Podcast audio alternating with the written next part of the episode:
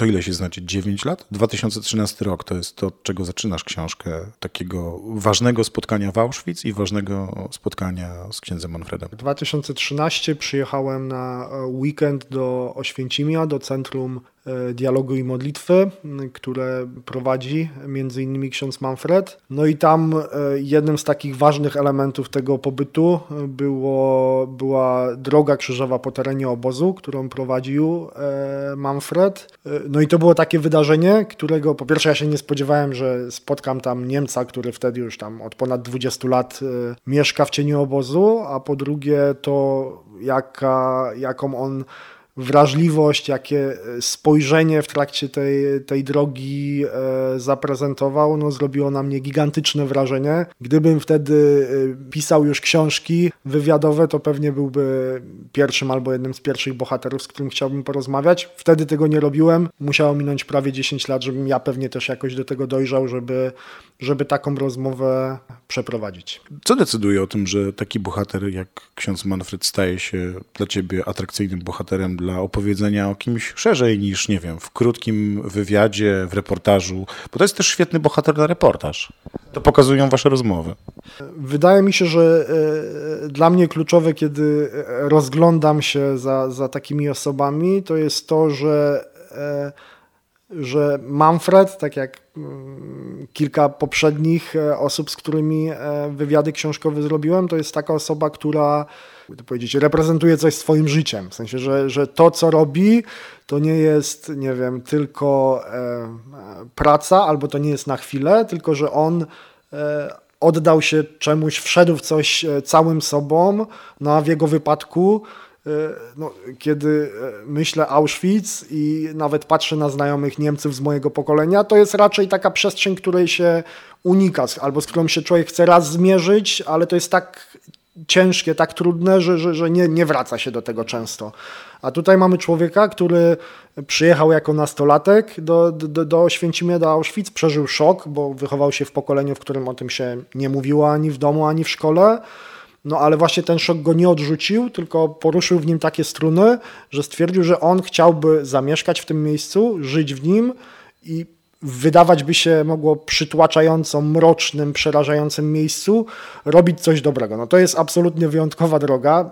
Nie ma drugiego Manfreda, nie ma drugiego Niemca, drugiego niemieckiego księdza, który by podjął taką decyzję i od 30 lat po cichu bardzo, konsekwentnie ją realizował. Stwierdziłem, że no, takich ludzi, którzy budują mosty, którzy szukają światła właśnie w tak, w tak, w tak trudnym kontekście, E, że takich ludzi bardzo, bardzo trzeba pokazywać. E, no więc wróciłem i przez dwa lata udało nam się e, rozmów z różnymi przebojami po drodze. No wydaje mi się kilka, kilka naprawdę ważnych, trudnych, ale też pięknych przestrzeni paradoksalnie dotknąć. Bo ksiądz Manfred, czy też Manfred, musiał też y, w sobie rozliczyć się z historią własnej rodziny y, w kontekście II wojny światowej. Tam pojawia się wątek jego ojca, e, trudny wątek. Pojawia się na przykład taki drobiazg, jak książki Goethego, z tego co pamiętam, wiele tomów, które Manfred znajduje w swoim domu, znaczy w domu rodzinnym i okazuje się, że to są książki, które po prostu zrabował jego ojciec, bo było to w tym czasie zupełnie naturalną i normalną praktyką. E, faktycznie, jeżeli jest się tak jak Manfred, ja się też tego dowiedziałem e, pracując nad tą książką, że jeżeli jest się tak jak on z tego pokolenia pierwszego powojennego, no to e, poza tym, co było charakterystyczne, że e, nie mówiło się o tych tematach właśnie w ogóle, o wojnie, była to jakaś taka trauma społeczna, narodowa, też lęk tego starszego pokolenia, że, że młodsze pokolenie ich wszystkich uzna za, nie wiem, nazistów, SS-manów, zbrodniarzy.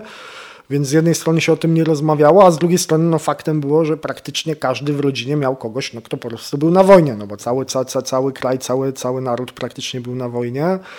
I, e, I Manfred od tego e, mierzenia się z przeszłością, czy, czy, czy właśnie jakichś kontekstów rodzinnych, czy, czy społeczeństwa, czy narodu, e, no on przechodzi do właśnie osobistej decyzji, że on nie chce tego tak zostawić, że po prostu sobie tylko przeżyje prywatnie, ale chce na to jakoś bardzo konkretnie odpowiedzieć. Używa e, wielokrotnie, czy w ciągu swojego życia, ale też w tej książce parokrotnie pada takie sformułowanie, że on chce, żeby w Auschwitz ostatnie słowo nie należało do Hitlera, tak? Żebyśmy zrobili, on, żeby zrobił coś takiego swoim życiem, swoją obecnością, swoją gotowością do spotykania się z ludźmi z całego świata i pomagania im przeżywania jakiegoś głębszego, takiego nastawionego na nadzieję tej, tej, tej wizyty w Oświęcimiu i w Auschwitz, że on chce zrobić coś takiego swoim życiem, żeby nie zło, a dobro miało ostatnie słowo nawet w tak przerażającym miejscu. Dlatego jest tym tytułowym człowiekiem u progu, to też jest taka fraza Auschwitz, która często powraca między innymi w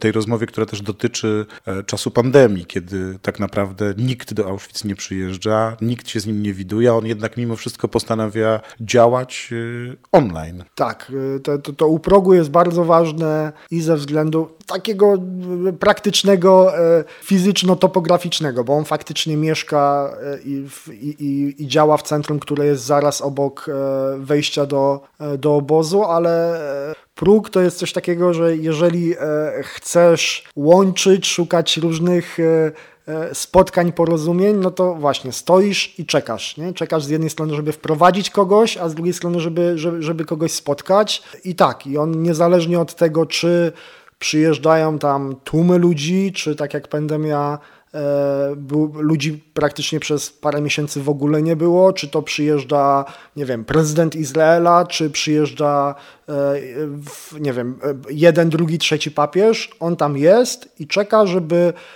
swoją obecnością, swoim historią, swoją historią, swoim doświadczeniem, swoimi poszukiwaniami, on to mówi właśnie, że to jest nic wielkiego, po prostu być i starać się z tymi ludźmi przeżywać coś ważnego i to jego bycie u progu dla mnie paradoksalnie to jest coś, coś, coś wielkiego.